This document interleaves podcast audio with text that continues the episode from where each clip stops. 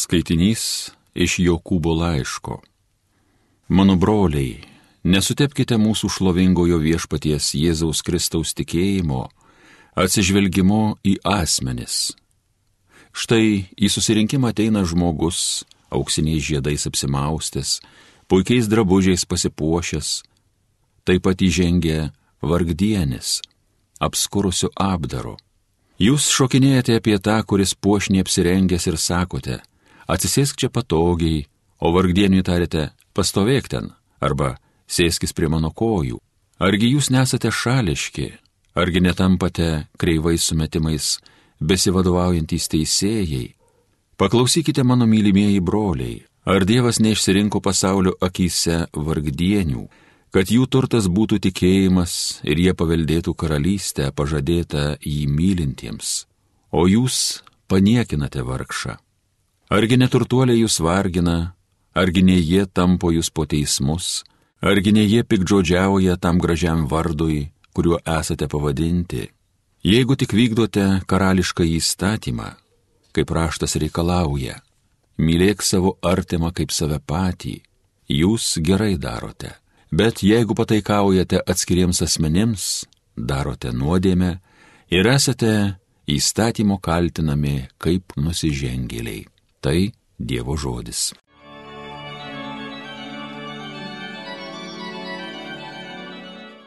Štai vargšas šaukės ir viešpats išgirdo. Aš visuomet viešpatį gerbsiu, mano burna šlovins jį nuolat. Tuo mano siela didžiuojas, tegu nuskriaustieji tai girdi ir džiaugias. Štai vargšas šaukės ir viešpats išgirdo.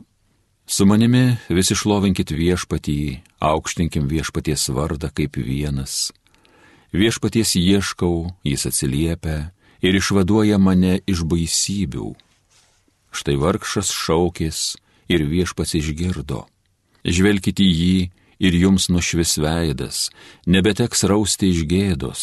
Štai vargšas šaukės ir viešpats išgirdo, iš visų bėdų išvadavo. Štai vargšas šaukės ir viešpats išgirdo. Alleluja.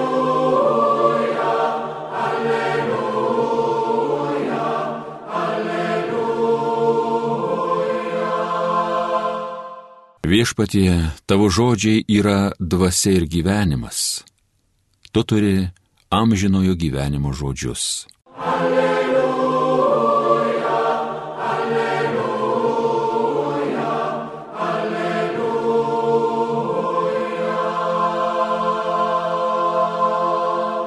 Viešpats su jumis. Pasiklausykite Šventojios Evangelijos pagal Morku. Jėzus su mokiniais keliavo į Pilypo Cezarėjos kaimus. Kelyje klausė mokinius, pasakykite, kuo mane žmonės laiko. Jie atsakė, vieni jo nukrikštytoju, kiti Eliju, treti dar kurio iš pranašų. Tada jis paklausė, o jūs kuo mane laikote? Petras jam atsakė, tu esi Mesijas. Tuomet Jėzus griežtai sakė niekam apie jį nekalbėti. Ir jis ėmė jiems aiškinti. Žmogaus sūnui reikės daug iškentėti, būti seniūnų, aukštųjų kunigų bei rašto aiškintojų atmestam, nužudytam ir po trijų dienų prisikelti iš numirusių. Jis tai kalbėjo visiškai atvirai. Tada Petras pasivadinęs jį į šalį ėmė jam priekaištauti. Jėzus atsigręžęs pažiūrėjo į mokinius, ir subarė Petrą. Eik šalin šitone, nes tu galvoji ne apie tai, kas Dievo, o kas žmonių. Girdėjote viešpatie žodį.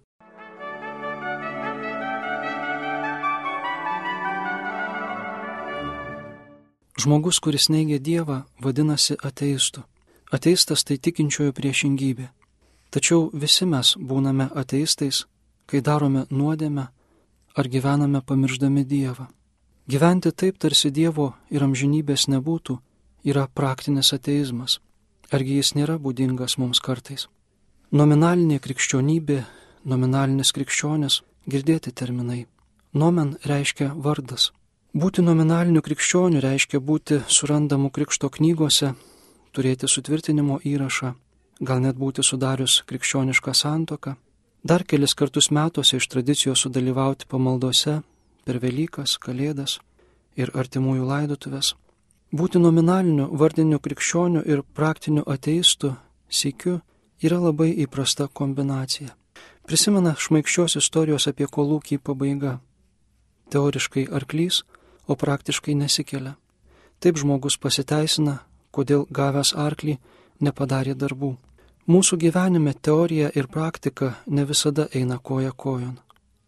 Jėzaus klausimą, kuo jūs mane laikote, teoriškai galima atsakyti labai puikiai ir išsamei, išvalga pralenkdami net apaštalą Petrą.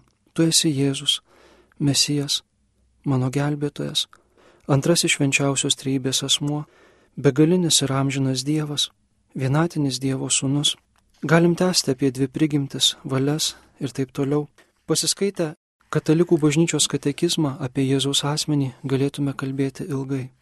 Šios žinios yra mūsų galvoje šalia kitų išmoktų dalykų, šalia gramatikos ir matematikos taisyklių, šalia Pitagoro teoremos ir daugybos lentelės. O kaip Jėzaus dievystės tiesa praktiškai pasireiškia mano gyvenime? Ar jį matosi, kai nekalbu? Pats žvelgdamas į savo pragyventą dieną iš dienotvarkės punktų, iš veiklos, darbų, santykių, ar perskaityčiau tą pačią tiesą? Jėzus Kristus yra viešpats. Jėzus yra Dievas. Jis mano gelbėtojas.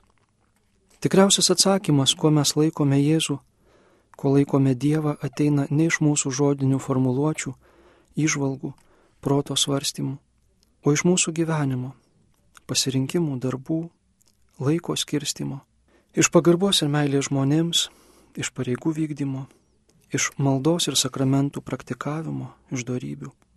Būtent šie dalykai aiškiausiai parodo, kas mes esame - Jėzaus mokiniai ar praktiniai ateistai.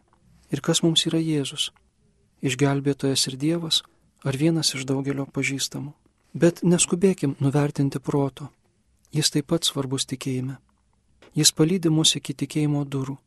Mūsų mintys apsprendžia mūsų gyvenimą. Kokios tavo mintys, toks tavo gyvenimas, sako garsus serbų vienuolis tėvas Fadėjus. Daug dalykų praktiškai visi prasideda nuo minties. Netgi laisvas veiksmas prasideda mintyse, kai protas parodo valiai, kuris gėris yra didžiausias ir valia pasirenka jo siekti. Galbūt Dievo nėra mūsų darbuose todėl, kad jo nėra mūsų mintyse. Jei nesižaviu juo savo mintyse, tai argi norėsiu džiugiai dėl jo darbuotis. Jėzus savo mokinius juk pašaukė visų pirma ne eiti į pasaulį ir skelbti Evangeliją, o būti su juo. Neveikti iš karto, bet pirmą būti, įsiklausyti, įsižiūrėti, įsimastyti į Jėzaus veikimą, į jo meilę. Tokį vaidmenį mūsų gyvenime atlieka malda. Jos negali pakeisti jokia veikla, net patys didžiausi darbai dėl Dievo karalystės. Mums reikia to įsižiūrėjimo, įsiklausimo, įsimastymo į Jėzų, kad ne tik darbais, bet ir širdimi paliudytume, Jėzus Kristus yra viešpats.